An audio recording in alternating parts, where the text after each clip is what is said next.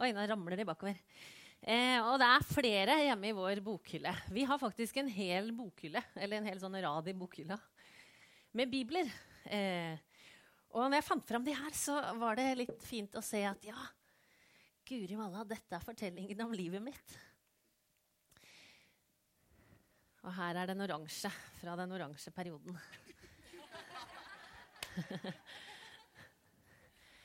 Og jeg ble nostalgisk, og det blir jo helt sikkert ikke dere når dere ser det der. Men eh, vi skal snakke om denne verdens viktigste bok. Og jeg vet ikke hva slags forhold du har til denne boka. Men i dag så har jeg ett mål, og det er å oppmuntre oss til å ha den i hverdagen vår. Og kanskje er det for noen å liksom fornye sin tro på det, eller eh, minne seg selv på hva vi egentlig har opplevd eller tror og tenker. For andre kan det være nytt, og for noen så er det noe selvsagt. Mange av dere leser ofte i Bibelen og har den kanskje liggende et sted hvor den er lett tilgjengelig. Jeg kommer fra et sånt hjem hvor mamma alltid hadde Bibelen. Eh, ikke bare på nattbordet, men liksom sånn ute i stua. Og alle mine besteforeldre for eksempel, hadde Bibelen som de leste i hver dag. Og det var jo et veldig synlig eksempel for meg på at dette er en bok som vi henter noe til dagene våre og til livet vårt. Og Det er et enkelt mål for denne talen, og jeg skulle ønske at jeg var afroamerikaner, og at vi hadde et kor bak her som hver gang jeg sier noe nytt, liksom sang yeah! Så kan dere se for dere det bak i hodet, liksom? Når det kommer en eller annen sånn Way! Jeg har vært på et sånn gudstjeneste en gang. Det var en veldig rar opplevelse. Hver gang pastoren sa noe som han mente var viktig, så reiste koret seg bak han opp, og så sang de ja, ja, ja, ja, ja, ja. Jeg fikk ikke med meg noen ting av hva han sa. Men at det var veldig forstyrrende med det koret. Men det hadde vært deilig, for jeg har så tro på det jeg skal si i dag. Jeg skal si litt kort innledningsvis om Bibelen, og så skal jeg fortelle dere noen av de fortellingene som jeg bærer med meg gjennom mitt liv som jeg har hørt selv, som jeg har sittet og lytta til hovedpersonen. For det er, ikke, det er, mange av de fortellingene er ikke min fortelling. Men det er vitnesbyrd, fortellinger som jeg har hørt noen si. Eh, som har styrka meg, og som har lært meg at denne boka er mat. Og så er jo spørsmålet hvordan forholder vi oss til denne maten. Lever vi på evig slankekur, eller mesker vi oss med det vi kan få tak i her? Ja, vi tror at Bibelen er Guds levende ord. At den er mat, som jeg sa, at den er gitt til oss for at vi skal styrkes til vårt indre menneske. At vi skal få kraft til vår livsvei. Og mest av alt at vi skal lære mer om Gud, for dette er åpenbaringen om Gud. Den kan vi lese i Bibelen. Og jeg tipper at vi eh, Kanskje også noen når vi tar fram dette temaet og skal snakke om Bibelen, og du skjønner at jeg skal snakke om det å lese i Bibelen og bruke den ofte, også kjenne på et stikk av dårlig samvittighet. Jeg er i hvert fall vokst opp i en sånn tradisjon hvor vi lærte som unge på det som het junior, at vi skulle lese i Bibelen. Og vi lærte også veldig fort å få dårlig samvittighet for det vi ikke gjorde. Som vi liksom burde ha gjort. Og I noen runder har vi hatt dette som tema i våre småfellesskap, bibelgruppene. Og når vi snakker om det, så er det helt typisk at det vi sier, det er ikke alle de gangene Bibelen har vært til hjelp, men det er liksom all den der dårlige samvittigheten vi kjenner på fordi vi ikke leser så ofte som vi burde. Og Jeg har ikke lyst til å bruke denne talen til å gi deg mer dårlig samvittighet. Bare så det er sagt sånn innledningsvis. Men jeg har lyst til å fortelle deg at det burde friste. Ja. Kanskje du har et bibelvers som er ditt? Det har jeg.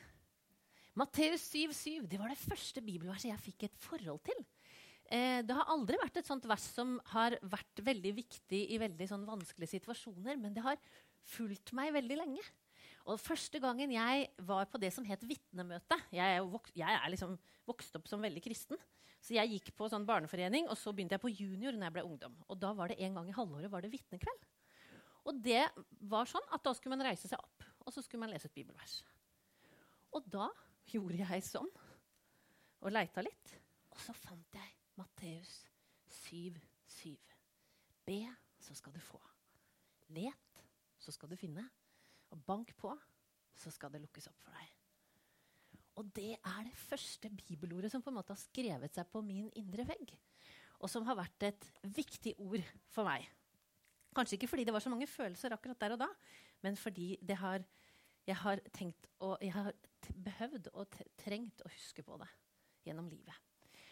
Og så har jeg en liten sånn hypotese bak i hodet, og det, dere, det, er like greit at dere vet om. og det kan hende dere aner, At jeg tror at for mange av oss så er det noe som forandrer seg fra vi er unge og til vi blir voksne. Og kanskje er det også noe som preger vår tid i dag mer enn andre tider. Det vet ikke jeg, for jeg har ikke levd før. Men vi lærte av Stein for to uker siden at stat ifølge statistikker så leser vi mye mindre i Bibelen nå enn tidligere. Og jeg tror vi kjenner på noe av det. At det i mange situasjoner er ganske vanskelig å si at 'jeg tror at dette er sant'. Jeg tror at dette er, Her vet noen bedre enn meg. Jeg har tillit til dette. Det er av og til blitt politisk ukorrekt i vårt samfunn.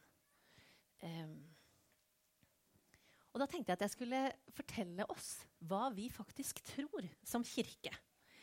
Og det står skrevet ned i en pakt. Ikke bare Misjonskirken Norge, men de, altså alle de store kirkene i Norge. Vi tror det samme om Bibelen. Og nå skal du høre, nå skal jeg lese et lite avsnitt for deg. Jeg burde ha skrevet det opp, så dere kunne sett det. Beklager. Men det Lausanne-pakten slår fast i forhold til hva vi tror om Bibelen, er vi fastholder både Det gamle og Det nye testamentets guddommelige inspirasjon, sannhet og autoritet. I sin helhet er disse skriftene det eneste skrevne Guds ord, uten feil i alt det slår fast, og en, den eneste ufeilbarlige norm for lære og liv. Vi slår fast at Guds ord har kraft til å fullføre hans frelsesplan. Bibelens budskap er rettet til hele menneskeheten. For Guds åpenbaring i Kristus og i Skriften er uforanderlig. Gjennom den taler Den hellige ånd også i dag. Han opplyser Guds folk i enhver kultur, slik at de med egne øyne kan oppfatte ordets sannhet. På den måten avdekkes stadig mer av Guds mangesidige visdom for hele kirken. Vi tror det er Guds ord, som er levende, og det er for alle, og det har virka til alle tider. Og I 2. Timoteus er en av de viktige skriftstedene for dette. og Da står det hver bok i Skriften er innblåst av Gud og nyttig til opplæring, til rettevisning, veiledning og oppdragelse i rettferd, så det mennesket som tilhører Gud, kan være fullt utrustet til all god gjerning. Det er innblåst av Gud. Her er alt du trenger til det du trenger. Og så står det i Isaiah 55.: Slik er mitt ord som går ut av min munn. Det vender ikke tomt tilbake til meg, men gjør det jeg vil, og fullfører det jeg sender det. Og Dette er en viktig sånn, bakteppe for det, skal, det dere skal få lov å høre. Vi tror at Bibelen er Guds åpenbaring. Vi tror at Jesus ble sendt fra himmelen. Det er veldig stor forskjell på hvordan vi forvalter Bibelen, og hvordan muslimer forvalter sin skrift. Der er det vesensforskjell. For for oss så er Jesus Kristus åpenbaringen av Gud. Og så er Bibelen der vi kan lese om den fortellingen. Og så er det motsatt. Det er Koranen som er den hellige åpenbaringen, og så er det Mohammed, profeten, som forteller om ham. Så vi tror jo faktisk at samtidig som vi tror at dette er Guds åpenbaring, hans hellige skrift, der vi lærer om Gud og om Jesus, så er det også en bok som vi må lese, og vi må av og til lese om igjen når vi virkelig skal forstå hva som står der. Og vi vet jo alle sammen, vi er jo ikke enige. Og det er jo noen vers som er vanskelig å forholde seg til. Og det er jo ting som har endra seg gjennom historien. Det kristne trodde før, det tror de ikke i dag når de leser den samme Bibelen. Så faktisk tror jo vi at vi får lov å tolke disse skriftene. Men vi tror at i alt den slår fast, så er den ufeilbarlig. Og forteller om Guds søken etter relasjon med menneskene. Som begynner i skapelsen, og som fortsetter gjennom hele Det gamle testamentet, der Gud stadig prøver å nå ut. Og han prøver mer og mer for å komme nærmere og nærmere. Og til slutt så leser vi fortellingen i Nytestamentet om hvordan han sender sin sønn for å forsone oss med seg selv. Og nå har jeg lyst til å dele noen historier med dere som har vært viktige for meg gjennom livet mitt. Og som er historier der Bibelen var kjempeviktig. Og kanskje kan noe av det virke litt spektakulært og veldig langt unna våre hverdager. Men jeg tror vi trenger noen av de fortellingene om troen på de igjen. Og Den første fortellingen den er veldig liten. Men det er min mammas fortelling. For da hun var lite barn, så var hun veldig redd. Og det gjorde seg alltid gjeldende når hun skulle sove. Og hun var alltid redd når hun skulle legge seg. Og hun grudde seg for natta, og hun var urolig, og det var vanskelig å falle til ro. Og da kom hennes pappa, min bestefar. Så satte han seg alltid ned ved sengekanten, og så fant han fram Bibelen sin. Og så slo han opp i Salmenes bok, og så fant han Salme 4. Og så leste han for min redde mamma. I fred vil jeg legge meg ned og sove. For du, Herre, du alene, la meg hvile trygt. Og så fortalte min mamma i går, for jeg måtte jo spørre henne om jeg kunne fortelle dette. Og da ble jeg rolig. Og så gikk det mange år, og så ble min bestefar gammel. Og mamma var voksen. Og bestefar var alvorlig syk. Og han visste at døden, den eh, vinker på meg. Da ble han redd. Og da var plutselig rollene bytta helt om. For da var det min mamma sin tur til å sette seg på hans sengekant. Og det var han som hadde urolig hjerte. Så var det mamma som fant fram Bibelen og slo opp i Salme 4. Og så sa hun, 'Pappa, Hør her. I fred kan du legge deg ned og sove, for Herren lar deg hvile trygt. Og så ga det dem fred i en vanskelig situasjon. Og så kjenner jeg at det verset må jeg ha på min indre vegg for de gangene i livet som det er vanskelig å sove. Når, det, når livet bråker så at når vi blir stille, så er det ikke ro. Så står det trøst i Bibelen. I Salme 4, vers 9. I fred kan du legge deg ned og sove. Og så vet ikke jeg om du har hørt om den mannen som heter Leif Holstad. Men da jeg var ung, så var han veldig populær. Han driver noe som heter Maritastiftelsen. Og han, for meg er han kjent, en sånn kjendiskristen. Men det er ikke sikkert han er det for alle her inne. Men han har et veldig flott vitnesbyrd. Og jeg hørte mange ganger i min ungdom han fortelle det. Og så når jeg bestemte meg for denne talen, så tenkte jeg jeg må si det han sa. Men jeg husker det jo ikke helt. Og forrige lørdag så sto hele fortellingen hans bretta ut i vårt land. Så jeg har ikke ringt han og sagt, spurt er det greit, men jeg regner med at når du offentliggjør det, så er det lov for en pastor å referere til eh, den kristne avisa Vårt Land. Leif Holstad, som i dag leder Maritastiftelsen, som jobber for å hjelpe rusmisbrukere, han mønstra på båt som 16-åring var ute i tre år, kom tilbake. Veien til rusmisbruk var superkort. Han begynte å røyke hasj, og derfra gikk det bare nedover. Og han eh, blei etter hvert en tung rusmisbruker. Han var ganske suicidal. Han orka ikke å leve, men han orka heller ikke å dø. Eh, og han eh, eh skaffa penger til dette rusmisbruket ved å selge ved å være en langer. Da han var 21 år, så sto han ganske så rusa utafor Philadelphia i Oslo og var egentlig på vei til noe. Men så var det ei veldig søt jente som sto utafor kirka. Og så spurte hun vil du være med inn. Og hun skulle synge på gospelkveld. Og så inviterte hun han med inn, og han var jo bare liksom opptatt av neste fiks. Men hun var ganske søt. Så han, av en merkelig grunn, så liksom forvilla han seg inn på dette møtet. Og da skrev han og sa jeg sovna jo momentant når jeg satte meg ned. Så han sov nesten hele den. Det var Arnold Børud, og det var en flott gospel-happening. Og Leif Olstad sov seg gjennom. Men på slutten så kom det en mann bort til han og så sa han, kan jeg få lov å be for deg. Ja, det var helt i orden. Så ba han en bønn over livet hans.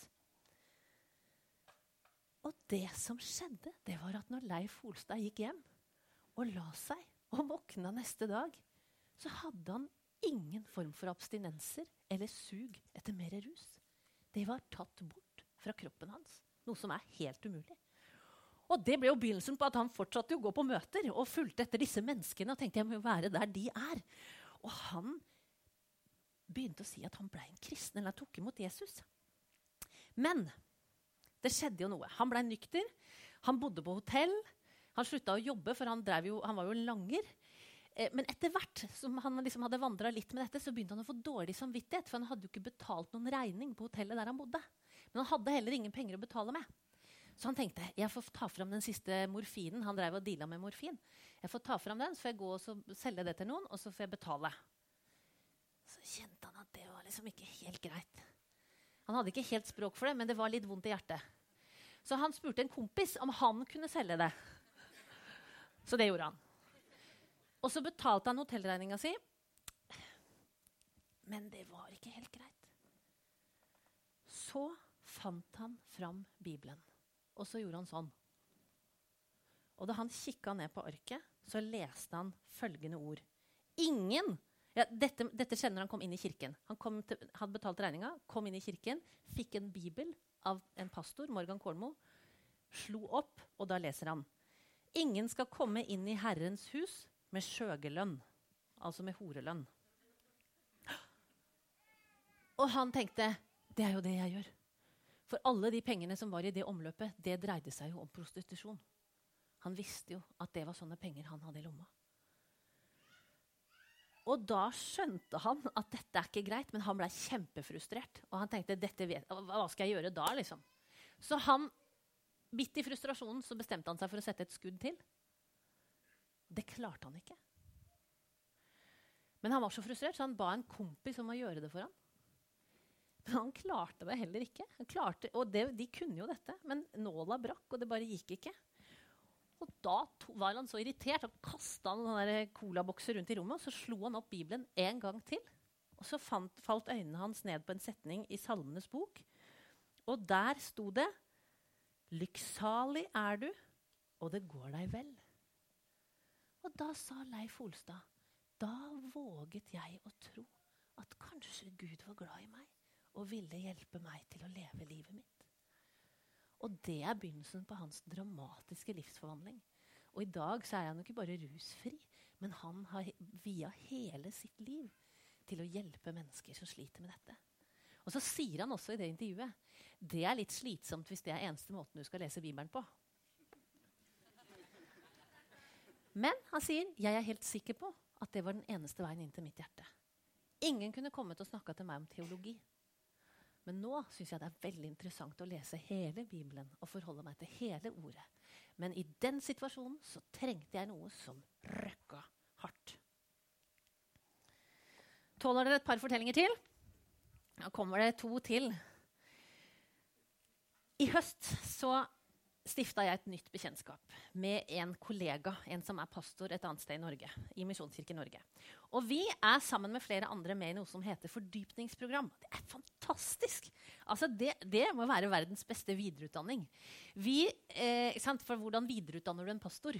Jo, da tar vi fordypning. Vi samles to ganger i halvåret og eh, jobber hardt med vår trosfortelling, eh, våre gudsforestillinger, hvordan veien har vært til nå, og hvordan vi på en måte kan utforske vår relasjon til Jesus. Det er både spennende og krevende.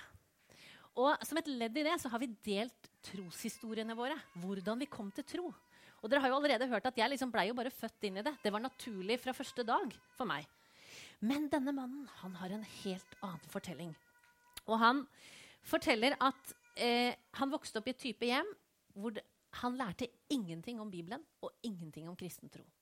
Han gikk også på Steinerskole, og han sier selv at det hjalp meg jo ingenting. Da fikk jeg nok heller bare fordommer mot Bibelen og hva, om den fortellingen som sto der. Men han hadde et vanskelig liv. Og fra, fra, at det var trøblete egentlig fra starten av, så førte det til en veldig alvorlig krise for han da han var ung mann. Og han var i en sånn desperat jakt på vei etter mening med livet, på vei etter fred i hjertet og på vei etter noe som var godt. Men han fant det ikke. Og denne, måte, det blei en sånn spiral som han levde i. Han jakta på meninga med livet. Han fant det ikke, og suget etter det ble større og større. Og han sa selv at uh, jeg kjørte meg fast i en sånn nedadgående spiral. Jeg leita overalt. I damer og i fest og i filosofi og i, i okkultisme. Og hvor det kunne være liksom noe som ligna på liv, så lette jeg. Men det var ingenting som hjalp meg, og jeg ble mer og mer deprimert. Og jeg falt ned i et mørkt, svart hull. Og så hadde han Da da var han blitt 24 år, da hadde han fått en samboer. Og hun kjente litt til det kristne fra før av. Det gjorde han overhodet ikke. Men en dag, i det her svarte hullet Han visste ikke ut og inn på noe. Så sa han til samboeren sin Skal vi kjøpe en bibel? Ja, det syntes hun var en lur idé. Så gikk de til en bokhandel og kjøpte en bibel. Så begynte han å lese. Og så forteller denne pastoren Det skjedde noe med meg. Det var noe på min innside som liksom snakka med det som jeg leste her. Og jeg kjente at her er det noe. Her er det noe som er godt for meg. Her er det noe jeg trenger. Og ikke bare begynte han å lese i Bibelen, han leste masse i Bibelen. Men han var også så heldig at han bodde i en by hvor det var kampanje. Jeg tror ikke det var teltmøte, men det var sånn der, i ishockeyhall så var det møtekampanje en hel uke. Og han og samboeren de gikk på møte hver kveld. Og de kjente liksom hvordan dette snakka til dem. Men de turte ikke å gjøre noe mer med det. Så når siste møte var over, og alle var gått hjem, så satt de på parkeringsplassen inne i bilen sin. Og Da hadde de lest masse i Bibelen, og de hadde vært på mange møter. Og de hadde skjønt at Jesus han kan være løsninga på vårt liv. Men de hadde ikke våget å gjøre noe med det. Så sa denne mannen, da spurte jeg samboeren min skal vi bli kristne. Så visste de ikke helt åssen de skulle gjøre det, så de gikk tilbake til den hockeyhallen. Og der var de jo begynt å rydde. De hadde rydda vekk alle stolene og sjaua, for var, nå var jo dette over, og det skulle være noe annet inni der. Så de kom litt sånn forsiktig inn i rommet, og så sa de Unnskyld, er det for sent å bli kristen? Nei, det var det jo selvfølgelig ikke! Så det var jo en som slutta å rydde med en gang. Og satte seg ned med de og ba frelsesbønn sammen med de. Knytta kontakt med de og sendte de hjem. Og da sier denne kollegaen min, Tarjei Da jeg gikk hjem og la meg, og våkna neste dag, så skjedde et mirakel jeg nesten ikke kan beskrive. Jeg har aldri sett himmelen så blå. Og jeg har aldri sett gresset så grønt.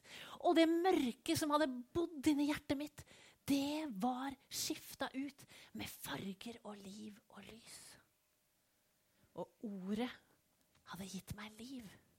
Og så sa han, for jeg var sammen med han forrige, denne uka, så sa han hvis du skal fortelle min fortelling, så må du si det skjedde noe der og da, og så skjedde det én ting til over to år.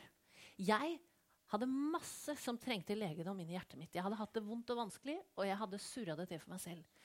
Og i to år så leste jeg Bibelen, samtalte med mennesker som var klokere enn meg, og dette helbreda mitt sinn. Så han var så glad for at jeg skulle bruke hans fortelling som en del av det store vitnesbyrdet om at Bibelen er Guds levende, virkekraftige ord. Og det tror vi i denne kirken. Og det ønsker jeg at vi skal huske i dagene våre. For det gjelder ikke bare de der enkelttilfellene. Det gjelder for meg i mitt liv. Er jeg usikker på om jeg skal fortelle bare én eller to til. Men en vanvittig historie som gjorde noe med meg da jeg bodde i Colombia og jobba der som misjonær, det var en jente som blei redda, bokstavelig talt, av Bibelen. Og det er veldig annerledes, den fortellingen er veldig annerledes enn våre liv. Og helt på en måte fra en helt annen kontekst.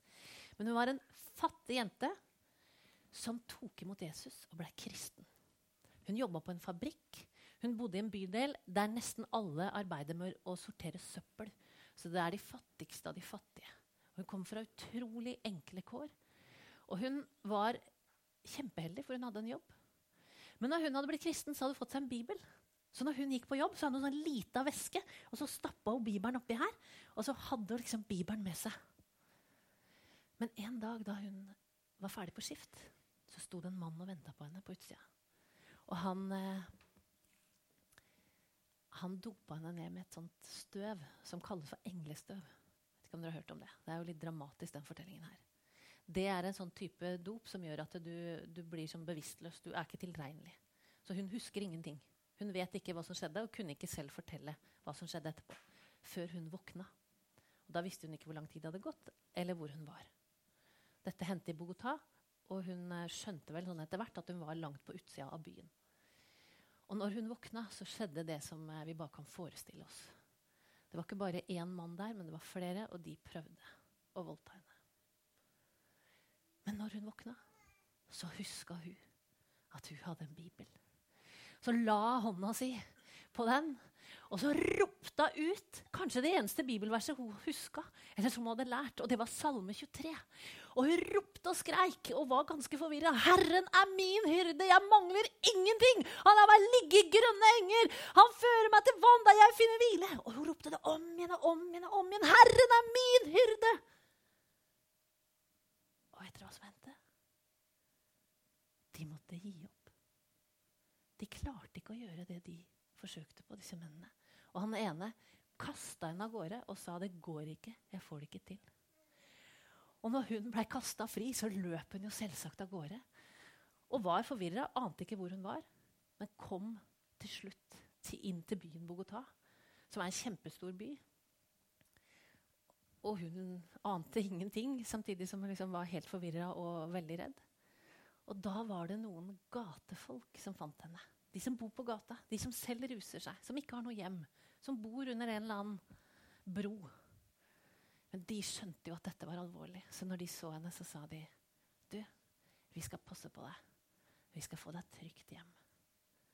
Og så erfarte hun at Herren var hennes hyrde, og at han både leda henne gjennom dødsskyggens dal og hjalp henne i alt det hun trengte. Og det var helt vanvittig når vi som kirke fikk være med å høre det vitnesbyrdet. For det var i en av de menighetene som Misjonskirken driver i Colombia. Som hun da hadde møtt Jesus, og som hun fortalte denne fortellingen til. Så Guds ord kan beskytte oss.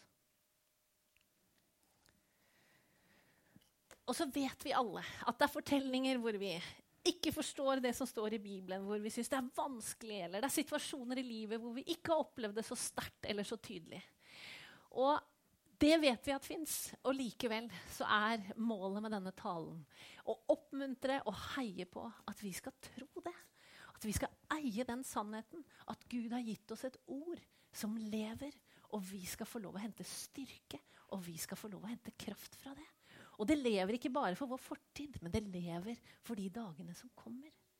Vi vet jo ikke hva som skal møte oss denne uka som ligger foran oss, eller i resten av livet. Men jeg har tro på at det vi trenger, det kan vi finne her. Bibelen forteller om et menneskesyn som det er fantastisk å leve med og leve på. Den forteller at jeg er unik, at jeg er elska. At Gud ser meg og bryr seg om meg. Og så vet jo dere at Når vi har taler her, så pleier vi ofte å, å eh, utfordre bibelgruppene, cellegruppene på å ta med seg det inn i sine små fellesskap. Og, og nå skal jeg runde av, bare si noen sånne bitte små tips. Jeg tenker at alle kan kjenne seg igjen i at selv om vi tror på Bibelen, så kan det være lett å glemme det. Eller det kan være vanskelig å lese hver dag. Eller det kan være mye annet som lokker mer. Og da tenker jeg det å bruke bibelgruppa til å faktisk lese. Det å bruke den samtalen der til å snakke med de andre menneskene om det som du syns er vanskelig når du leser Bibelen, eller det du ikke forstår. Eller kanskje å inngå en liten avtale med en venn og si du, skal vi lese et kapittel hver dag? Det gjorde mannen min og jeg. Og det funker jo sånn som for menn flest, at hvis det blir konkurranse, da Så vi skulle lese Bibelen på et år. Og vi leste og vi leste, og vi leste, og det gikk kjempefint i begynnelsen. Og det var utrolig gøy å ligge foran han. og så pusha han, og så har vi jo det som en app på telefonen. Så vi kunne jo følge med på hverandre. Og jeg kunne jo gi han litt tyn, for nå lå han langt etter. Og så skjedde det som utrolig ofte skjer når man tar på seg sånne store, litt sånn store oppdrag. ikke sant? Nå skal vi lese tre kapitler hver dag. Så hvis du lot være å lese én dag, så var det seks neste. liksom. Og når du da, du skjønner jo hva som skjedde da. når vi Det skjedde jo ting, og vi dro på ferie, eller ikke husker jeg hva som skjedde. Så plutselig så ble det gapet så mye å ta igjen at det virka helt uoverstigelig. Så her står pastoren deres, som skulle lese Bibelen på et år, og måtte gi seg etter et halvt. Men det må jo ikke bli det siste som er sagt om sånne ting. Da er det jo bare å begynne igjen. Og kanskje er det ikke om å gjøre å lese så mye som mulig, men å lese ett vers hver dag. Jeg får et bibelvers som tikker inn på mobilen min hver dag. Det er fantastisk. Det hjelper meg til å huske. Og i dag var ordet at ordet ble kjød og tok bolig iblant oss. Gud sendte Jesus som sitt levende ord til oss. Ja. Dette ble en sånn liten vitnetale om fortellinger som har berørt mitt liv i forhold til hvordan Bibelen har vært viktig. Og dere har hørt jeg sagt det. Jeg sier det for siste gang. Skal vi prøve det? Altså, Hvis det er sant, skal vi gi det en sjanse. Det kan være livshjelp for den situasjonen du står oppi. Eller det kan være mat til din hverdag som du trenger. Og jeg husker ikke alle brødskivene jeg har spist opp gjennom livet. Og veldig mange av de har bare gått gjennom systemet. Men de har vært viktige for at jeg har blitt den jeg er i dag. Og sånn er det også med Guds ord. Det er mat, og det er næring til våre liv. Jesus, takk at du er her. Takk at du går med oss hjem.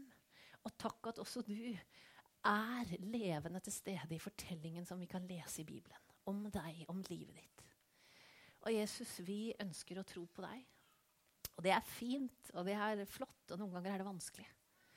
Og nå ber vi om at du skal la oss få erfare at vi kan møte deg i ditt ord. Og vi ber om at vi skal erfare at det ordet som vi har fått i Bibelen, det er levende, og det er virkekraftig.